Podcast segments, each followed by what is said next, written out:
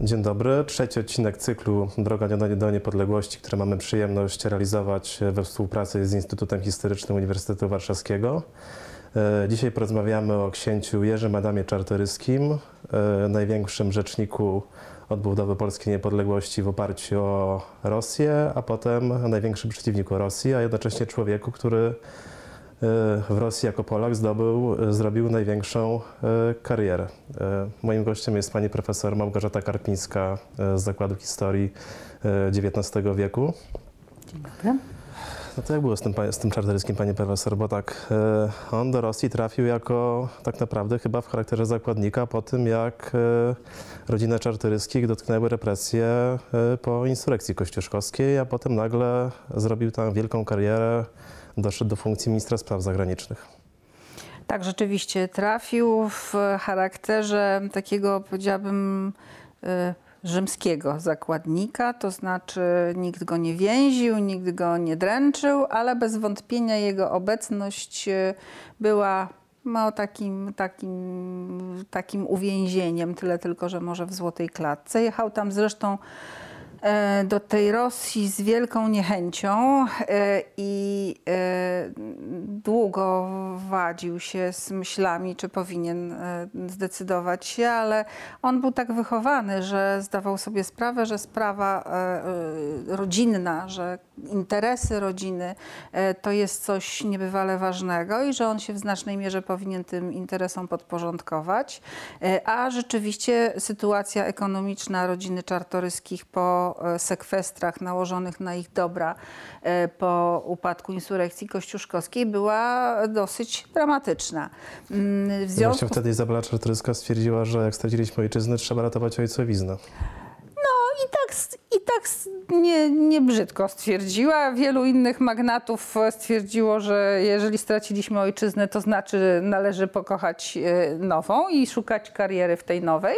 E, czartoryscy tak e, absolutnie nie zdecydowali, ale zdawali sobie sprawę z tego, że no, trzeba robić wszystko, co jest możliwe, żeby odzyskać te majątki, ponieważ dawna znajomość dosyć bliska rodziny czartoryskich z gubernatorem grodzieńskim Repninem zaowocowała taką radą z strony tego ostatniego, aby właśnie spróbować wysłać na dwór e, petersburski e, do Katarzyny e, tychże nieszczęsnych dwóch młodych ludzi, to znaczy księcia Adama Jerzego i jego brata Konstantego Adama, no i spróbować tam działać na rzecz zniesienia tych sekwestrów, co zresztą dosyć szybko się udało właśnie dzięki wsparciu między innymi Repnina, Repnin był świetnie usytuowany i jego rodzina była bardzo dobrze zorientowana w funkcjonowaniu dworu e, mm, carskiego. Szybko wprowadziła e, obu młodych książąt czartoryskich właśnie na salony,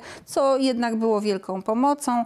E, takim, mm, powiedziałabym, tajemnicą Poliszynela, która ciągnęła się za księciem Adamem, było to, iż związek rodzinny z Repninem był, miał swoje drugie dno. Mówiło się w pewnym momencie, że Repnin jest ojcem biologicznym księcia Adama Jerzego. Niezależnie jak by było i nie próbując się w te plotki do, jakoś tam zagłębiać, e, to na pewno zachowywał się w stosunku do obu młodych książąt niebywale e, z taką troską, lojalnością, sympatią i w związku z tym dzięki tej pomocy i takiej umiejętnemu prowadzeniu ich na tym dworze ten sekwestr został zniesiony bardzo szybko, ale jak wiemy w szczegółach tkwi diabeł. Te szczegóły były nieprzyjemne dla mm, obu braci, ponieważ po pierwsze żądano, żeby nadal pozostali w Petersburgu, a powtórę e, dobra, sekwestr został zniesiony, ale pod warunkiem, że dobra te przejdą na nich właśnie, a nie na rodziców, a nie na przede wszystkim księcia Adama Kazimierza, który ciągle był głową rodziny. Oczywiście rodzina była i tak zadowolona, e, książęta znacznie mniej, ponieważ dosyć długo nie mogli się na tym dworze zaklimatyzować. Ja powiedzmy sobie, że to jest taki czas, kiedy jeszcze Kościuszko jest więźniem w Twierdzy Piotrowskiej razem z innymi polskimi patriotami czasami to musiały chyba wadzić e, Adamowi Jerzemu, który sam przecież e, walczył w obronie konstytucji, a w insurrekcji nie walczył, dlatego że chyba po prostu Nie było go. Nie było go nie w było Polsce. go, nie było go w kraju. Został chyba jednak nieco prewencyjnie przez rodziców wysłany e, poza kraj. Natomiast e, mało się o tym mówi. e, Książę był bardzo blisko z Kościuszką. Żywił do niego niebywałą estymę. On miał takie e, dwie osoby, który, które e, szanował spośród Polaków, które szanował w sposób wyjątkowy i z którymi czuł coś takiego, no, jakiś taki, taki z jednej strony powinowactwo dusz, z drugiej strony taki ogromny szacunek. To był bez wątpienia Kościuszko i Tadeusz Czacki. E, I Kościuszko w twierdzy był e, oczywiście dla niego wyrzutem sumienia i taką świadomością tego, że on idzie na bal, a gdzieś tam obok Kościuszko i Niemcewicz, równie bliski rodzinie Czartoryskich, e, z którym też łączyły go dobre stosunki, a już nie tak e, no, nie, tak, nie, nie uważał go za postaci tak charyzmatycznej jak Kościuszki.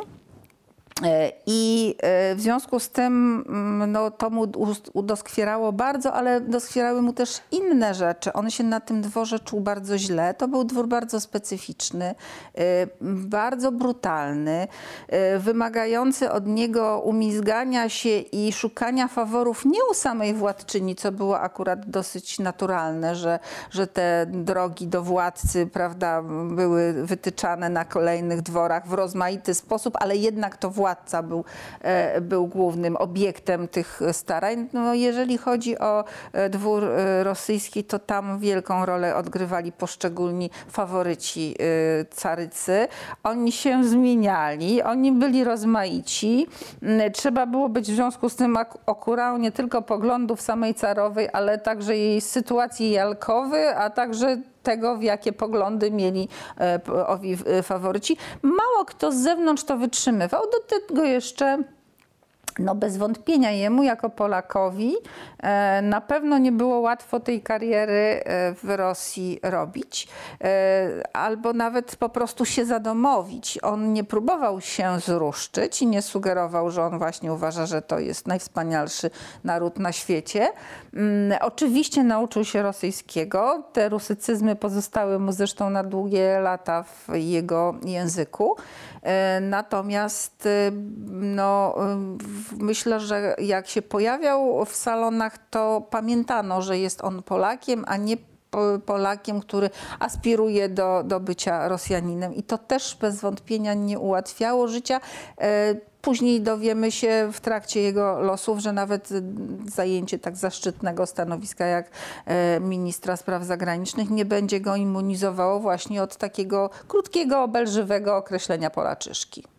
No właśnie, skąd, skąd się wzięła ta kariera? Bo tam e, podczas tego pobytu na e, dworze petersburskim e, Czartoryski zaprzyjaźnił się z przyszłym carem Aleksandrem I. No właśnie tutaj to jest właśnie dobrze mieć przyjemność spotkać się w odpowiednim momencie z odpowiednią osobą. Bez wątpienia łączyło ich bardzo wiele rzeczy. Byli w podobnym wieku, mieli podobne spojrzenie na, na dwór, na losy, na przeszłość, taką tą niedawną przeszłość obu narodów. Aleksander także uważał, że to, co się stało, przynajmniej tak opowiadał ks- księciu Adamowi, że to, co się stało wobec rozbiorów jest niesprawiedliwością. Opowiadał mu, że ma taki plan, żeby tą niesprawiedliwość e, e, nagrodzić, wyrównać, spłacić. mm, Mieli podobne lektury. Mm, W związku z tym nie dziwota, że się też troszkę chyba sam Aleksander czuł się taki e, wyobcowany na dworze, czy też w trudnej sytuacji na dworze w ostatnich latach e, życia Katarzyny, bo e, z jednej strony był faworytem babki, Z drugiej strony e, na pewno antyfaworytem ojca, e, który zdawał sobie sprawę z tego, że matka zamiaruje właściwie nad jego głową przekazać sukcesję właśnie Aleksandrowi. Mm, No i to sprawiało, że pewnie Aleksander poszukiwał rozmaitych e, mm, sojuszników. Troszkę obaj nie pasowali do tego dworu i w ten sposób się wzajemnie zaprzyjaźnili. Zresztą e, podobne, paralelne, no, paralelną przyjaźń, nie tak e, intensywną, ale jednak taką polegającą na, na wspólnym spędzaniu czasu, zawiązał również e, Konstanty Czartoryski z wielkim księciem Konstantym. Mamy taką sytuację, że ojciec Aleksandra zostaje zamordowany. To jest prze- przewrót pałacowy. Co prawda Aleksander podobno o tym nie wie, ale mimo wszystko e, obejmuje tron. E, Czartoryski zostaje wezwany z e, Sardynii, gdzie aktualnie przebywa, do takiego tajnego komitetu, w którym zasiadają ludzie bliscy Aleksandrowi.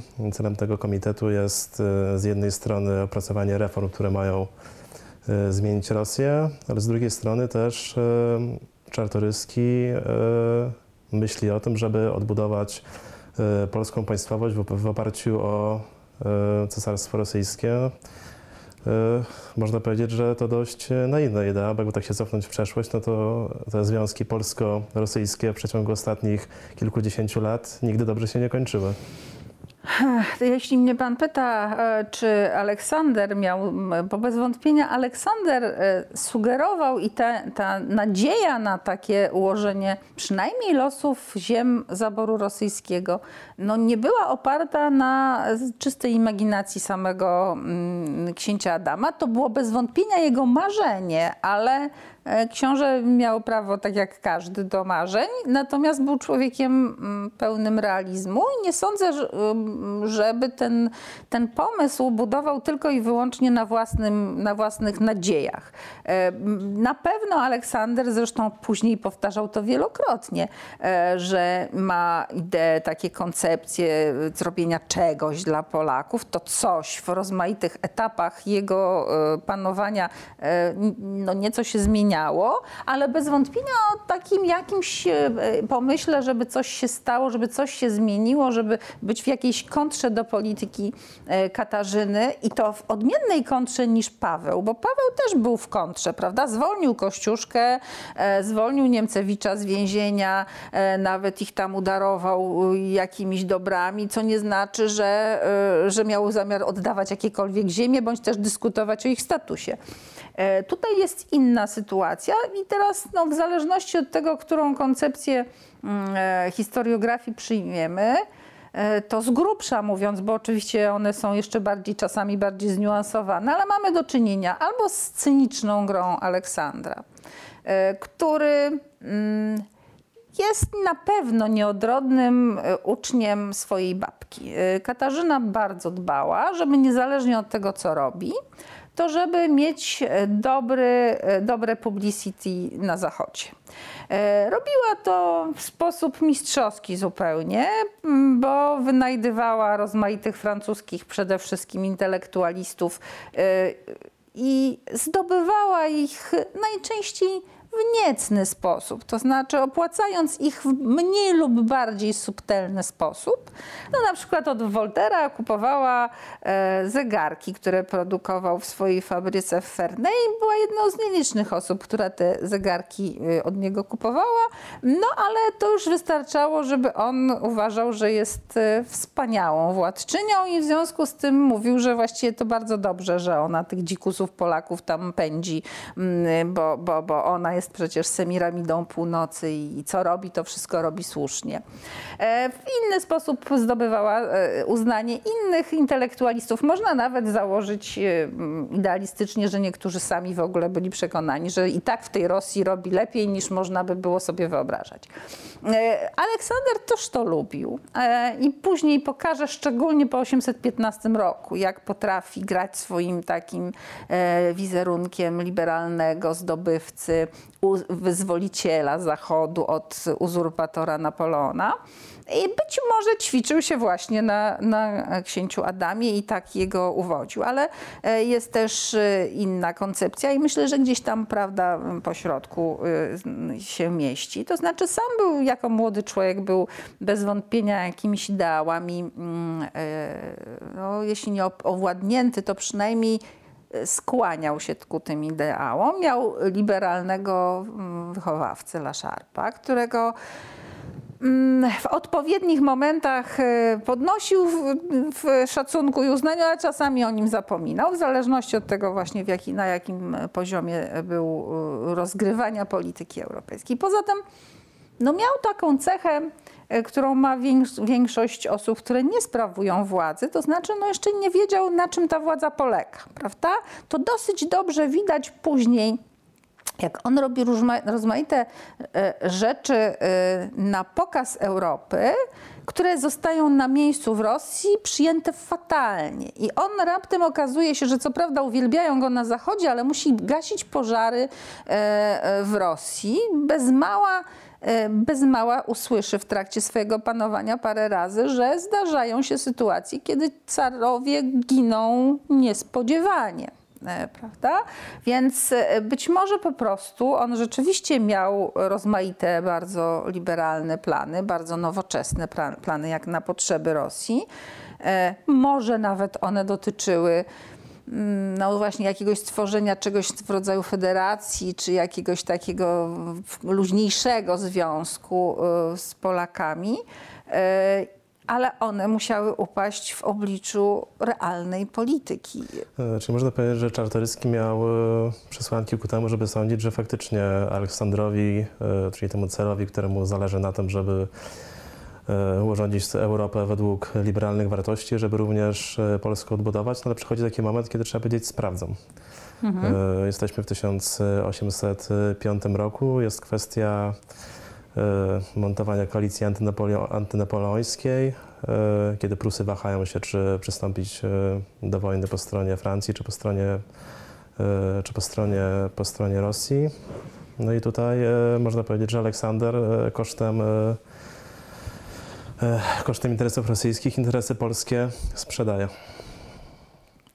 Nie wiem, czy kosztem interesów rosyjskich. Po prostu wybrał inny wariant. Y, y, To jest tak, napięcia pomiędzy y, Rosją a Prusami są właściwie od dawna. Jeszcze, jeszcze Katarzyna. Zachował się taki jej list do, do któregoś z władców pruskich, kiedy pisze mu dosyć wyraźnie, że jeżeli się nie uspokoi, to wy, wypuści na niego to bydle, co trzyma kościuszkę i on mu dopiero pokaże. Czyli po, potrafiła grać też sprawą polską, prawda? To znaczy powiedziała, wy, wywołam u ciebie powstania, a na czele tego powstania posadzę kościuszkę. Abstrahując od tego, czy akurat kościuszko by się chciał dać posadzić, ale, ale tego typu gry się między nimi odbywały. E, Rzeczywiście e, w 805 roku wyglądało na to, że Prusy prowadzą swoją bardzo taką skomplikowaną grę z Francją i że być może nie będą się chciały przyłączyć do koalicji antynapoleońskiej. Mm, e, Potrzeba było e, przynajmniej zgody na przejście wojsk. Już odpuszczono udział w koalicji, trzeba było zgody i, i, i, Niemcy, Prusy się tutaj e, e, no, wahały powiedzmy. E, Księciu przyszło do głowy, że w takim razie o, on odgrzeje plan, o którym właściwie mówił już od samego momentu, kiedy objął stanowisko w, e, najpierw zastępcy ministra, później ministra e, spraw zagranicznych. Czyli gdzieś mniej więcej od 803 roku, początku 803 roku. On wtedy napisał taki memoriał, który e, się tyczy, co w sprawach politycznych, jakich, jakich idei się powinna trzymać Rosja w sprawach politycznych. I tam mówił między innymi tak, że przede wszystkim Rosja powinna sobie uświadomić swoją słowiańską genezę i swo, swoją słowiańską przeszłość. To jest dosyć zabawne, bo mówił do cara, który akurat słowiańskiej genezy w ogóle nie miał. E, i, i, podobnie no, jak i, i, i część establishmentu tamtego. E, Ale twierdził, że właśnie tu powinno się położyć nacisk na to i wtedy w sposób oczywisty Polacy powinni być elementem przyszłości polityki rosyjskiej. W 803 roku nie powiedział tego jeszcze, w 805 już mówił, bo zmieniła się sytuacja polityczna, e, że Polacy, którzy są z ziem zaboru, drugiego zaboru e, w Rosji, wsparci aktywnością Polaków z zaboru pierwszego i drugiego e, niemieckiego, pruskiego, ale ja powiedziałam niemieckiego, bo, bo tutaj mówi się o Prusach, ale w domyśle również i Austria jest, znajduje się. E, I oni mogliby dać nową siłę, nowy impet, e, nowe znaczenie. Pamięta się również, i to jest zarówno w tym pierwszym memorandum, jak i w tym planie puławskim, e, o którym mówimy w tej chwili z 805 roku, powinno się myśleć również o innych ludach słowiańskich. E, Myśli tutaj przede wszystkim o państwach bałkańskich i ciągle mu w głowie jest z jednej strony te państwa bałkańskie, z drugiej strony e, problem Turcji jako takiego państwa, którego Rosja powinna się starać pozycję ustabilizować w Europie. Y, Jako kontr, y, y, kontr, taką kontrwagą dla utraconego sojuszu z Prusami i Austrią miałoby być ułożenie sobie normalnych stosunków z napoleońską Francją, ale przede wszystkim bardzo ścisły sojusz z Anglią. I on, wielbiciel kultury angielskiej, wielbiciel e, stosunków politycznych w Anglii, wielbiciel monarchii parlamentarnej na wzór angielski, no uważał, że dla Rosji to powinien być naturalny, mm, naturalny sojusznik. Ba co więcej, uważał, że, że właśnie mm, konflikt pomiędzy Rosją a Prusami czy, czy, czy Austrią, on w sposób naturalny wywołuje konieczność e, sojuszu z e, Anglią, która mm, na dodatek e, e, powinna być zadowolona, jeśli ustabilizuje się również e, napoleońską Francję. E, W związku z tym ta, ta, ta różnica pomiędzy tym memorandum a planem płaskim dotyczy tylko pewnej taktyki prowadzenia gry. Do tego dochodzą e, takie pobrzmiewające w obu tekstach mm, Szczególnie w tym pierwszym, bo akurat ten plan Pułacki to jest plan, który właściwie zakłada możliwość konfrontacji zbrojnej z Prusami. Mm, Więc tam nie można mówić o pokoju, ale on uważa, że w ogóle generalnie pol- polityka rosyjska powinna zmierzać do tego, żeby układać stosunki pokojowo z państwami rozmaitymi, starać się jedynie rozgrywać interesy poszczególnych państw w oparciu właśnie przede wszystkim o ideę wspólnoty Federacji Słowiańskiej. I to jest taki pomysł, który mu potem będzie po głowie chodził jeszcze bardzo, bardzo długo i będzie z niego korzystał bardzo, bardzo długo. No Tak, ale ten plan e, odbudowy polskiej państwowości w oparciu o Rosję kończy się fiaskiem, natomiast e, namiastka polskiego państwa zostaje przywrócona dzięki Napoleonowi e, w postaci księstwa warszawskiego. No ale potem znowu ta, oczekiwanie, że Rosja coś przy udziale, że Polska przy udziale Rosji może ugrać, po, pojawia się w 1813 roku, kiedy e, wojska rosyjskie w pościgu za Wielką Armią wkraczają na e, tereny Księstwa Warszawskiego i tutaj e, znowu książę, książę Adam jest u boku cara Aleksandra. Właśnie, ale może... w przeciwieństwie do, do większości ówczes- ówczesnych elit. Na przykład ksi- książę Józef, któremu oferuje się w przejście na stronę, na stronę koalicji antynapoleońskiej, wychodzi z resztką wojsk z księstwa i zostaje przy Napoleonie. Myślę, że raczej książę był w mniejszości, książę Józef był w mniejszości niż e, reszta elit. Ale zanim chyba jeszcze e, przejdziemy do tego, to powinniśmy jeszcze na sekundę do tego planu pułaskiego, bo to pokazuje później, e, z czego się biorą rozmaite e, problemy polityczne e, księcia Adama. E, Otóż e, on ten plan bierze w łeb, mówiąc kolokwialnie, e, właściwie jednym ruchem Aleksandra. On w ogóle nawet nie dyskutuje o nim. On sobie wyjeżdża do Berlina i tam przy grobie Fryderyka e, Wielkiego razem z królem pruskim przysięgają sobie dozgodną przyjaźń i miłość, a książę Czartoryski patrzeć musi na to spokojnie. I myślę, że mm, na pewno już wcześniej przychodziły do niego sygnały, że e, Aleksander nie jest lojalny wobec niego, że Aleksander nie traktuje go poważnie. Wtedy chyba dowiedział się brutalnie i po raz pierwszy, ale za to stanowczy, że on nie jest e, tutaj człowiekiem, e, na którego stawia e, i którego ma zamiar słuchać Aleksander. Dymisję dostaje co prawda dopiero w 806 roku, ale to jest cecha charakterystyczna Aleksandra, który lubi człowieka najpierw e, e, zdegradować w sensie decyzyjności, a potem dopiero po jakimś czasie mu przysłać dymisję. To samo będzie z kuratorstwem okręgu wileńskiego. E, właściwie jest nikim.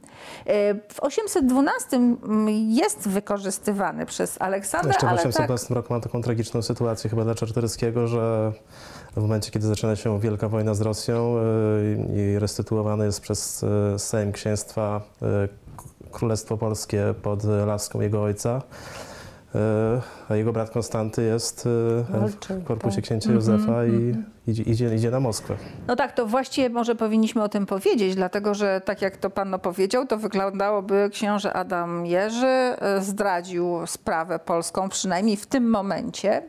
Problem polega na czymś bardziej skomplikowanym. On nadal był senatorem rosyjskim, nadal pełnił rozmaite funkcje, między innymi kuratora wileńskiego. Z wszystkiego tego chciał się e, wydostać, e, ponieważ uważał, że te funkcje sprawiają, że on jest w sytuacji niekomfortowej. To znaczy nie tylko musiałby złamać przysięgę, którą składał homagialną e, carowi, ponieważ to jednak zrobiła większość e, osób, prawda? Godząc się na, na stworzenie e, i stanie się obywatelami Księstwa Warszawskiego. Natomiast No on był w sytuacji wyjątkowej, bo jeszcze pełnił rozmaite funkcje. W związku z tym pisał do Ale e, Aleksandra dramatyczne zupełnie listy, błagając go, żeby on go zwolnił z tych przysiąg, żeby go, mu zabrał te, te stanowiska. On nie, mu po prostu nie odpowiadał, po prostu nie reagował na to, zdając sobie sprawę, że ma go w pułapce, dlatego że był to człowiek, który nam dzisiaj w XXI wieku trudno nam jest zrozumieć, że e, są politycy, którzy po prostu e, traktują swoje słowo poważnie i że uważają, że raz złożona przysięga obowiązuje tak długo, aż nie zostanie uchylona. E, Książę Czartoryski można to potraktować jako komplement, można oczywiście potraktować to również jako wadę. Był człowiekiem honoru i w momencie, kiedy komuś coś obiecał, uważał, że tak długo aż nie zostanie zwolniony z tej obietnicy, to musi zrealizować. Dotyczyło to zarówno stosunków e, politycznych, jak i stosunków osobistych, zarówno dotyczących mężczyzn, jak i dotyczących kobiet. I to jest bardzo poważna cecha jego charakteru, której dopóki nie zrozumiemy, to nie będziemy mogli nawet nie to, że oceniać, ale mówić o pewnych jego decyzjach i wyborach. E, No być może to trwanie przy Aleksandrze się opłaciło, bo mamy 1815 No. rok, kongre, kongres wiedeński, e, tereny Księstwa Warszawskiego są okupowane przez e, armię rosyjską. Jest kwestia tego, czy pozostawić jakąś formę polskiej państwowości, czy też nie i w jakiej formie. I tutaj książę Adam nieoficjalnie, ale w Wiedniu działa na rzecz Polski, ale też Mhm. chyba na rzecz Rosji. Rosji. Mhm. Znaczy, on zaczyna działać, tak jak już pan powiedział, od, właściwie od końca 12 roku. E, W końcu 12 roku, kiedy już wiadomo na pewno, że Napoleon poniósł klęskę w Rosji, to rząd e, Księstwa Warszawskiego pisze list do e, Aleksandra, prosząc go o opiekę dla sprawy polskiej, prosząc go o e, uczynienie z e, mm, księcia Adama wicekróla. Oni myślą, że e, robią księciu Adamowi przysługę. Jest zupełnie odwrotnie. Oni go tym w oczach Aleksandra no, spalają na swój sposób, w sposób polityczny. On otrzymuje to, ten list do poprawki.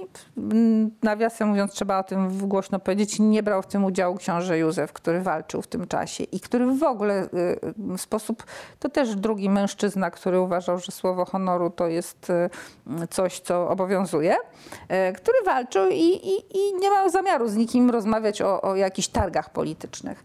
Mm, Książę pomaga e, w takim sformułowaniu tego listu, wysyła go do cara.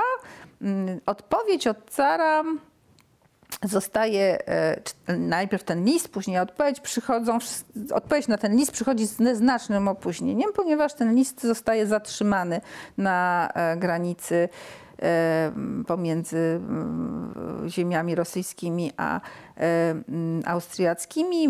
Historiografia podejrzewa, że do tego zatrzymania doprowadził sam Aleksander. Sam Aleksander e, po to, żeby móc przeciągnąć sprawę, żeby powiedzieć, zobacz, nic nie mogę robić, bo teraz już Austriacy to wiedzą, Napoleon to wie, bo tak rzeczywiście te, te, ta, ta wieść się rozeszła, żeby to y, zdusić, poczekać, co będzie dalej. Czy będzie mu potrzebna pomoc Polaków do tego, żeby zdobyć ziemię, czy też nie będzie mu potrzebna ta pomoc Polaków.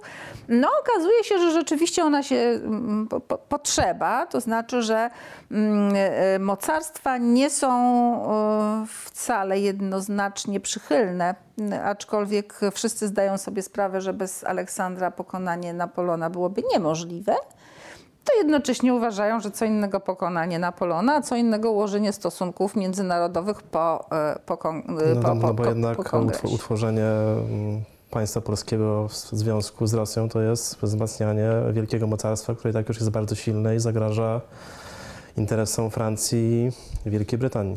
I, i, I właściwie zagraża interesom wszystkich, dlatego że dalej istnieje kontynuowana już od bardzo, bardzo dawna e, koncepcja równowagi politycznej. Mm, To nie jest koncepcja XIX-wieczna. Ta koncepcja się e, ujawniła e, w, jeszcze w XVII wieku. Uznano, że, że właśnie, że trzeba, że najlepsze jest status quo, prawda, że ten balans jest taki, że jeżeli któreś z państw europejskich nadto się rozwinie, to za, ten balans jest za, e, zaburzony i siłą rzeczy no, następuje konflikt, prawda? W związku z tym e, zbyt wielkie powiększenie Rosji byłoby rzeczą e, niekorzystną ani dla Francji, ani dla Anglii, która chciałaby spokoju na kontynencie, e, ani dla Prus, które nie są tym zainteresowane, tym bardziej, że zdawały sobie sprawę, że część powiększenia by nastąpiła, no i nastąpiła, e, kosztem e, Prus. W związku z tym szuka się rozmaitych wygibasów, prawda? W związku z tym e, z drugiej strony Aleksander, no jednak, e, nawet jeśli, jeśli już nie walczy i może mieć problemy z uznawaniem tej swojej, tego swojego sukcesu, no to ciągle jest władcą potężnego państwa, ma potężne argumenty. E, No i jednym z tych argumentów jest przychylność samych Polaków. To jest coś takiego, że propaganda na terenie Polski działająca, przedstawiająca Aleksandra jako opiekuna sprawy polskiej, potrafi doprowadzić do tego, e, że część Polaków deklaruje, że jeżeli by trzeba było na przykład w obronie interesów Aleksandra walczyć z Austrią, to oni są gotowi. No, I wystarczą takich parę informacji, prawda, kiedy nas napięcia znacznie e, na kongresie potrafią, potrafią się zmniejszyć, E, ale i tak nic, nic by nie było prawdopodobnie, gdyby nie Napoleon i jego ucieczka. E, i przerażenie kongresu, że oni sobie tutaj tańczą i obradują, a on szykuje całkiem nową mm, kartę w dziejach Europy i że jeśli oni się na, szybko nie, na, coś nie zdecydują, nie zgodzą, no to, e, no to będzie powtórka e, z tego samego, co było w e, okresie napoleońskim. W takim wielkim skrócie Napoleon zostaje pokonany pod Waterloo. Kongres decyduje o tym, że mm, utworzone zostanie Królestwo Polskie. No to zdawałoby się, że książę Adam, jakby, który jest jednym z e, twórców tej koncepcji, mm, architektem tego tworu, powinien zająć tu jakieś ważne funkcje. Natomiast namiestnikiem królestwa zostaje generał Zajączek, który wcześniej stał przy Napoleonie. To jest chyba zaskoczenie dla księcia. Znaczy dla księcia i tak i nie. To znaczy właściwie powinniśmy sobie powiedzieć jedno. Jeśli, na, jeśli sobie wyobrażamy, że wszystko, ta gra polityczna polegała na tym, że oto e, Aleksander rozmawiał z księciem Adamem, opowiadał mu o swoich planach i on szedł i przekładał te plany w okre- określone działania, to nic bardziej mylnego. E, Otóż e, to, na co się skarży w swoich intymnych dziennikach książę Adam, to jest przede wszystkim to, że nie może się dostać do cara. A nawet jak car go prosi, w końcu wpuszcza tam po, po, po długogodzinnych y, czekaniach w przedpokoju, wpuszcza go, to opowiada mu różne takie dziwne rzeczy, które, na które albo on nie rozumiał, o co mu chodzi, albo są y, jakimiś insynuacjami dotyczącymi jakichś zachowań drobnych, małych ludzi, o których on w ogóle nie wie. Prawda? Tam y, opowiada mu, że tam jakiś, jakiś oficer mm, zachowywał się nie, nieelegancko, nielojalnie podaje nazwisko. Książę w ogóle nie wie, o kogo chodzi. Prawda? To jest mniej więcej tak. Y, On musi, musi jakby interpretować właściwie scenę polityczną, żeby zrozumieć, o co władcy chodzi. E, Więc on nawet nie odczuwa mm, jakiegoś takiego bardzo poważnego odsunięcia, dlatego że dla niego odsunięcie trwa już od 805 roku. Od 805 roku, y, go, jeśli go przyjmuje Aleksander, to sporadycznie. I właściwie na swoich warunkach, to znaczy rozmawiają o tym, o czym Aleksander akurat chce rozmawiać. E, W związku z tym tutaj myślę, że on wielu rzeczy się po prostu intuicyjnie robił pewne sprawy, pewne rzeczy. Zdawał sobie sprawę, że nie jest y, pupilem. No, Doskonale. Jeśli ktoś uważa, że on tam jechał do Wiednia, żeby realizować jakąś politykę Aleksandra, to jest bardziej skomplikowane. Oczywiście tworzył klimat dla sprawy polskiej. On nawet mówił, że on już nie może wytrzymać, że on, e, on jest nielubiany, bo on ciągle mówi o tym samym. On ciągle jak wyrzut sumienia chodzi i mówi, a ta Polska, co z tą Polską, a jak wy myślicie, a gdzie tutaj, a my się nie możemy, Polacy nie możemy. Mówi, że ma tego dosyć. To jest zresztą bardzo, bardzo takie e, poruszające w takim odcieniu osobistym, prawda? To, on, to jest tak, to nie jest człowiek, który pełni e, rolę emisariusza sprawy polskiej dla jakiegoś, jakiejś chluby, dla jakichś korzyści, nawet takich korzyści powiedziałabym no, honorowych. To jest dla niego często potwornie uwłaczające to, co robi. Mimo wszystko, chociaż narzeka, chociaż stęka, e, to mimo wszystko trwa przy tym, mimo wszystko to robi. Ba nawet jak dowiaduje się, że nie zostanie namiestnikiem, to też nie ma w nim czegoś takiego, że w takim razie to ja mam y, inne dobre pomysły na siebie samego. To raczej on się dowiaduje, że nie ma na niego pomysłu, prawda? Ja myślę, że on, y, nie wiem, jest tam taka słynna rozmowa pomiędzy, mm, y, pomiędzy Aleksandrem i pomiędzy Czartoryskim, e, która odbyła się, jak już y, zostało ogłoszone mianowanie mm, Zajączka na e, stanowisko namiestnika. Książę to była rozmowa, która się późno wieczorem odbywała. Książę wyszedł z gabinetu Aleksandra Blady, podobno jak ściana. No i pozostaje nam tylko domyślać się, czego się dowiedział. Y, A trzeba przyznać, że i on od momentu, kiedy się zorientował, że Aleksander no nie do końca z nim gra fair, to też czasami potrafił szukać y, jakiegoś ratunkowego rozwiązania. Jednym z tych ratunkowych rozwiązań było wysłanie takiej misji politycznej, misji, misji mm, to się nazywa misja Biernackiego. On wysłał w 814 roku do Anglii e, tegoż Biernackiego, opatrzonego wszystkimi możliwymi swoimi listami polecającymi, po to, żeby mniej więcej Anglikom powiedzieć, jak to naprawdę jest z Aleksandrem i jak wygląda sytuacja mm, ziem polskich, żeby oni sobie zdawali sprawę, mm, czego my byśmy chcieli, czego oczekujemy i tak dalej. To, czego on sam nie bardzo mógł powiedzieć, to, czego na pewno nie mówił Aleksander. E, To miała być tajna misja.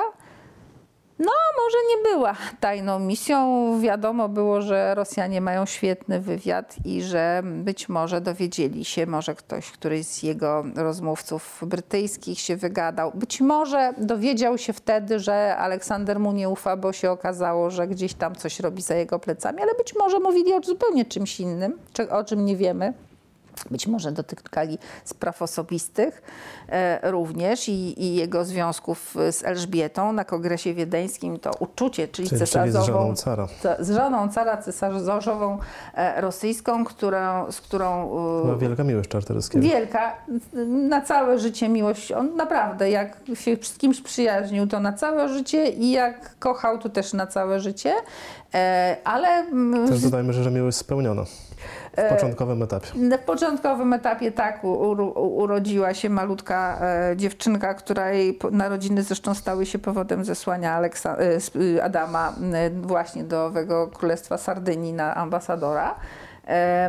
Ale y, przez lata się nie widzieli.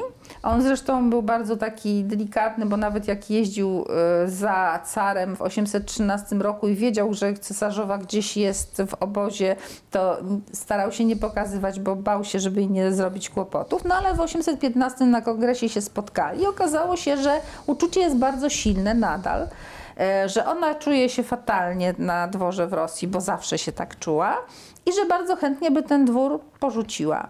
E, Namawiał ją do tego jeszcze na dodatek jeden ze szwagrów jej, e, żeby została w Niemczech. E, I wszystko na to wskazywało, że no i sam Adam Jerzy, że ona będzie prosić e, cara o rozwód. Mm, Być może o to również car miał do, pretensje do mm, księcia Adama. Nie mamy pojęcia, czy tak było. W każdym razie e, Elżbieta wróciła z e, Aleksandrem do Rosji, ba potem jeszcze przez pewien czas wydawało się, że jakieś uczucie zaczęło ich na nowo łączyć, e, ponieważ to małżeństwo od początku nie było puste. Początkowo była bardzo, bardzo dobry związek, ale dosyć szybko się ten związek e, wypalił. No i raptem pod koniec życia na nowo wydaje się, że się e, rozbuchał. Mm, Ta historia pokazuje takie przyziemne i ludzkie oblicze e, księcia, wielkiego polityka, ale wróćmy jednak do tej e, wielkiej, wielkiej polityki, jednocześnie zróbmy kolejny wielki skrót. W 1830 roku wybucha powstanie listopadowe.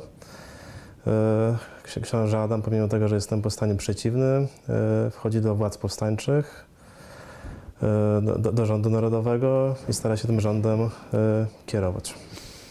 No tak, z- znowu ma, to jest wyjątkowo niekomfortowa sytuacja dla, dla człowieka, dla polityka, prawda? To znaczy znowu się zdarza coś, czego on nie chce, ale musi się dostosowywać do, do tego, co się dzieje, prawda? No i mm, na pewno nie jest zwolennikiem wybuchu powstania.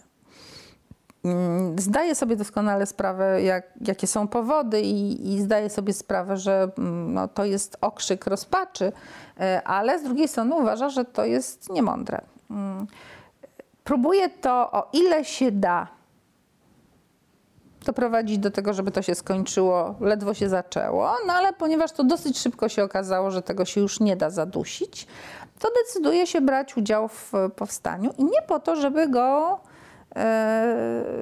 no, z- zakończyć możliwie szybko. Na pewno nie, to tak nie można powiedzieć. Natomiast e, no, ma pewne koncepcje swoje. Ma, wyobraża sobie, jak powinno państwo wyglądać, wyobraża sobie, jak sprawa według niego najskuteczniej powinna być realizowana. Wbrew temu, co mogłoby się wydawać, nie uważa, że nie powinna trwać wojna. To nie jest człowiek, który e, e, uważa, że nie powinno być starć zbrojnych. On sobie zdaje sprawę, że polityka najlepiej buduje się na sukcesach militarnych.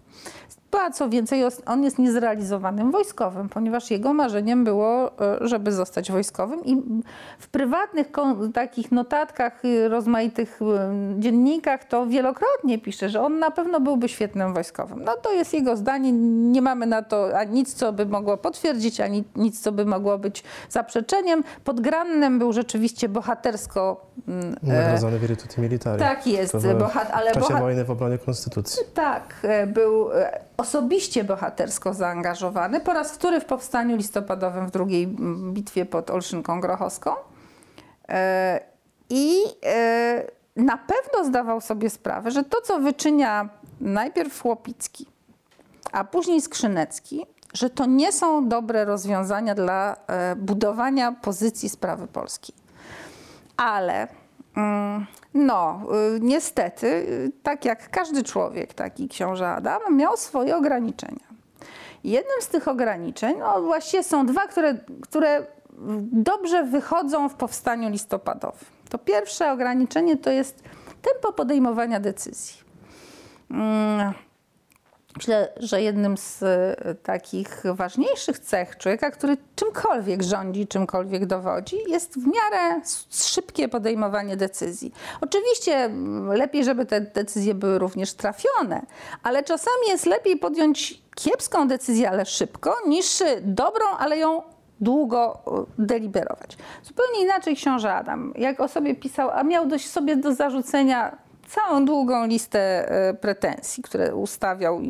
Ale mówił jedno, to tak, niektórzy zarzucają, że on wolno podejmuje decyzje, ale nigdy jeszcze go to, te decyzje nie oszukały. No niestety w powstaniu listopadowym to jest bardzo jeszcze na dodatek specyficzny ruch, kiedy szybko się wszystko zmienia, kiedy potrzeba naprawdę szybko podejmować decyzje, kiedy trzeba szybko cofnąć na przykład mylne mm, e, decyzje personalne. No on tego nie potrafi zrobić. Zastanawia się, m, nosi w sobie te pomysły, czasami je przenosi. To jest pierwsza y, z wad. Druga, która jest y, y, również troszkę, bo tam, tam, no tak, tamtą to tak, bo go stworzył Pan Bóg. Z drugą stworzyła go rodzina. Y, Książę bardzo wyraźnie widać, że jest wychowany w wielkiej rodzinie magnackiej, która jest przyzwyczajona realizować swoją politykę w oparciu o klientelizm, system klientalizmu. E, Czyli całą taką skomplikowaną sieć ludzi, którzy mają rozmaite wdzięczności wobec e, domu magnackiego. Temu się weźmie dziecko na przykład na, na dwór, innemu się załatwi jakąś posadę, jeszcze innemu pomoże w procesie sądowym, komuś innemu udzieli pożyczki. To jest mniej więcej tego typu funkcjonowanie.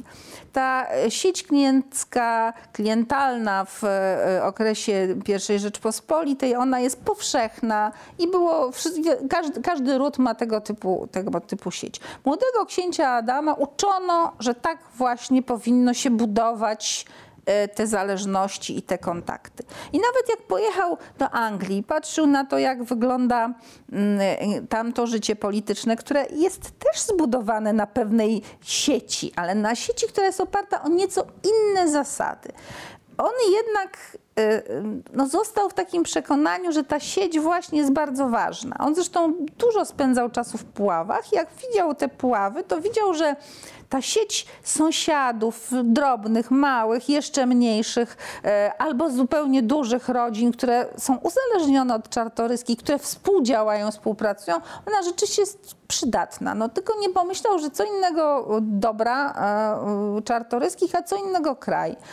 I e, nie potrafi się wyzbyć takich ludzi, których uważa za wiernych, dlatego że właśnie kiedyś byli klientami jego rodziny. Albo jak myśli o jakiejś nominacji, to myśli ciągle e, na zasadzie klienckich e, związków. Ma, również ma takie wielkie poczucie, że należy do rodziny arystokracji po prostu. I że w związku z tym jest winien. E, no, winien członkom tejże arystokracji jakąś taką super lojalność. To powoduje, że na przykład jak przychodzi na Sejmie Powstania Listopadowego do usuwania senatorów e, z Senatu, takich, którzy nie złożyli przysięgi na e, nową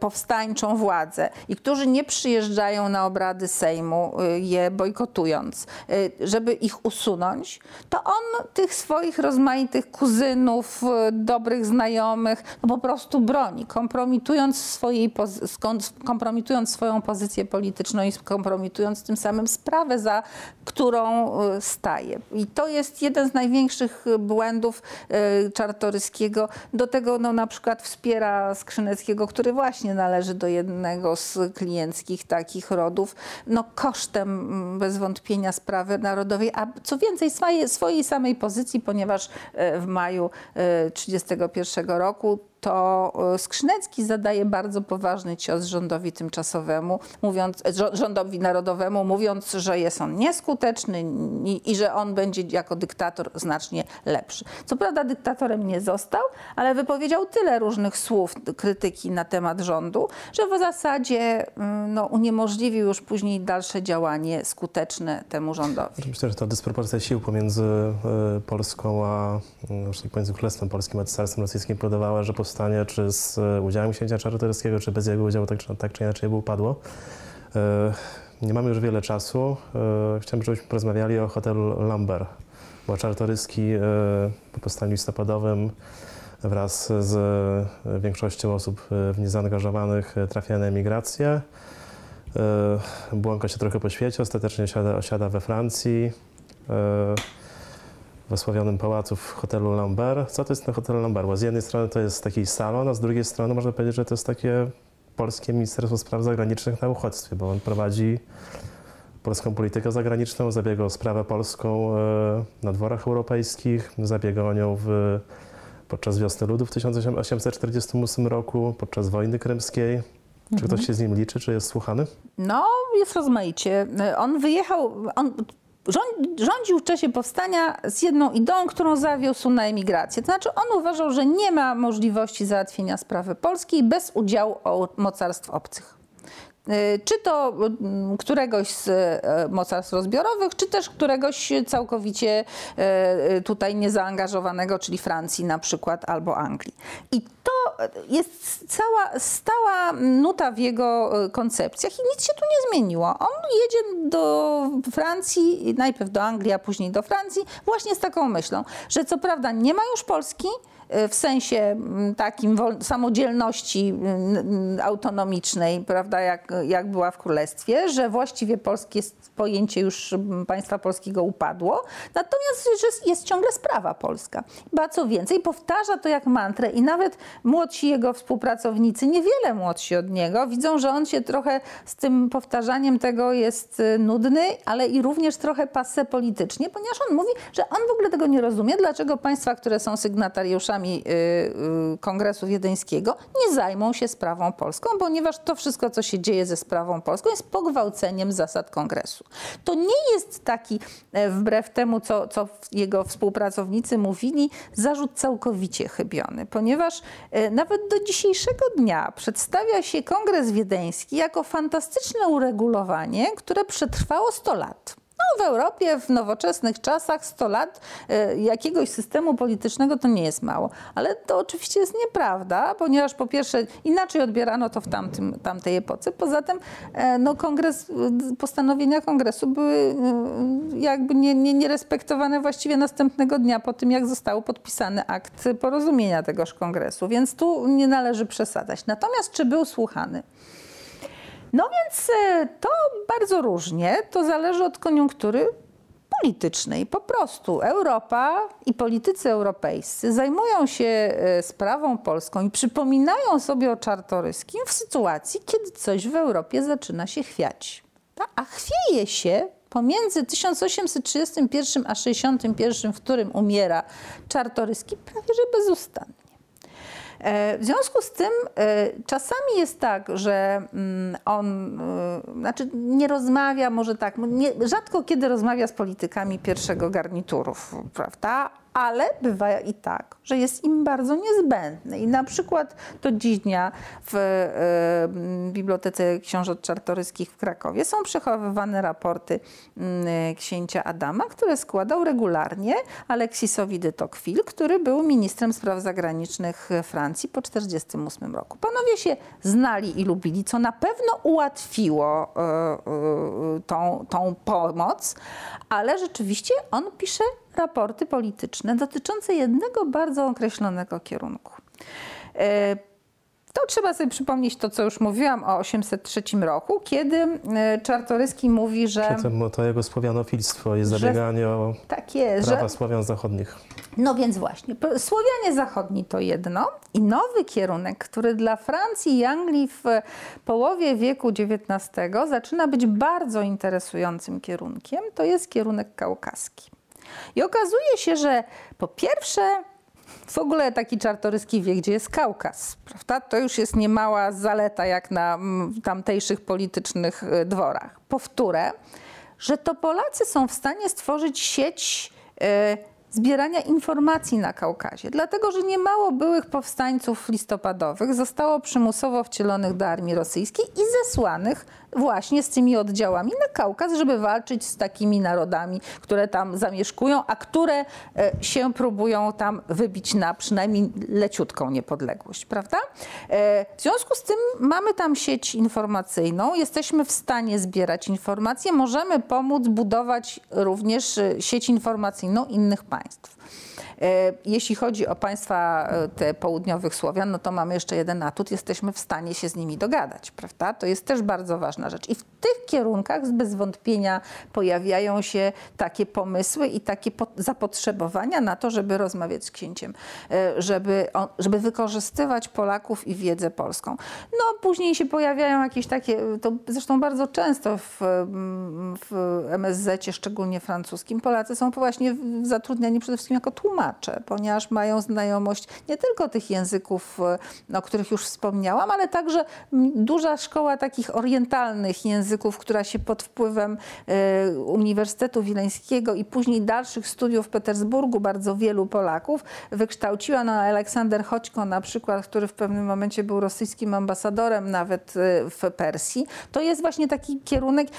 Aleksander Chodźko służbę na przykład w Rosji porzucił i przyjechał do Anglii i Francji i potem służył takimi wiadomościami o tych krajach, o ile tylko ktoś chciał go oczywiście zapytać i to już jest oddzielna sprawa. W każdym razie słusznie pan powiedział, e, Hotel Lambert oprócz tego, że to wspaniała, przepiękna rezydencja, to przede wszystkim takie miejsce, które z jednej strony jest Ministerstwem mm, Sprawy Polskiej za granicą, jest bardzo ważnym ośrodkiem kulturalnym i to, że Chopin często grywa w, tam e, i że znajdują się tam najwybitniejsi polscy twórcy i książę ich wspiera finansowo. To też jest bardzo ważna rzecz, ale również tam powstają pomysły na rozmaite instytucje emigracyjne. No jednak proszę pamiętać, to jest bardzo duża emigracja.